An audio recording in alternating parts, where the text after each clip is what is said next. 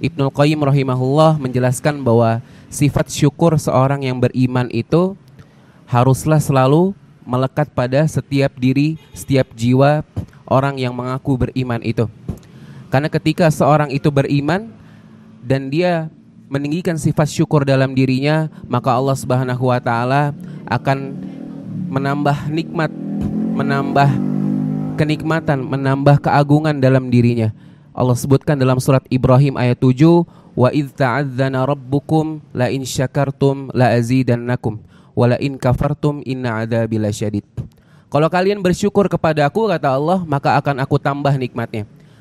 Kalau kalian kufur, lupa dengan nikmat Allah atau pura-pura lupa misalnya, maka Allah Subhanahu wa taala mempunyai azab yang begitu pedih, ya. Kalimat yang begitu indah dari Al-Quran Allah subhanahu wa ta'ala tidak menyampaikan bahwa Orang yang tidak bersyukur itu akan aku azab misalnya. Kamu nggak bersyukur aku azab misalnya. Allah tidak mengatakan seperti itu. Tapi Allah mengatakan kalau kalian tidak bersyukur Aku nih punya azab yang pedih loh. Ya.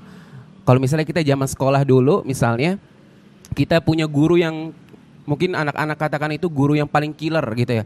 Guru matematika misalnya. Atau guru fisika Nah, ketika guru ini misalnya ngasih tugas ke anak itu dan guru ini bilang eh, anak-anak sekalian, nih Bapak kasih tugas untuk kalian ya. Kalian kerjakan. Bapak mau pergi dulu sebentar. Nah, kalau kalian nanti nggak ngerjain tugas ini, tugas dari Bapak ini, ya, awas nih kata bapaknya.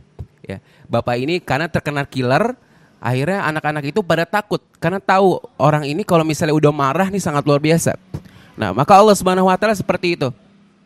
Ketika Allah mengancam atau memberikan ultimatum kepada umat ya tentang rasa syukur ini, tentang sifat syukur ini, maka Allah cukup mengatakannya dengan aku punya adab loh yang pedih ya. Maka kalimat sindiran, sindiran ini sudah cukup harusnya untuk membuat seorang itu beriman, seorang itu yang beriman, dia hatinya tergerak, hatinya terenyuh untuk mau bersyukur kepada Allah Subhanahu wa taala. Karena dia takut. Karena dia sadar bahwasanya oh janji Allah itu benar loh. Wa'dallahi haqq kata Al-Qur'an tuh. Bahwa Allah itu pasti punya adab yang pedih. Maka dia memperhatikan dirinya. Maka dia menjadi orang yang syukur. Wa ta'adzana rabbukum wala in syakartum la azidannakum wala in kafartum inna adzabi lasyadid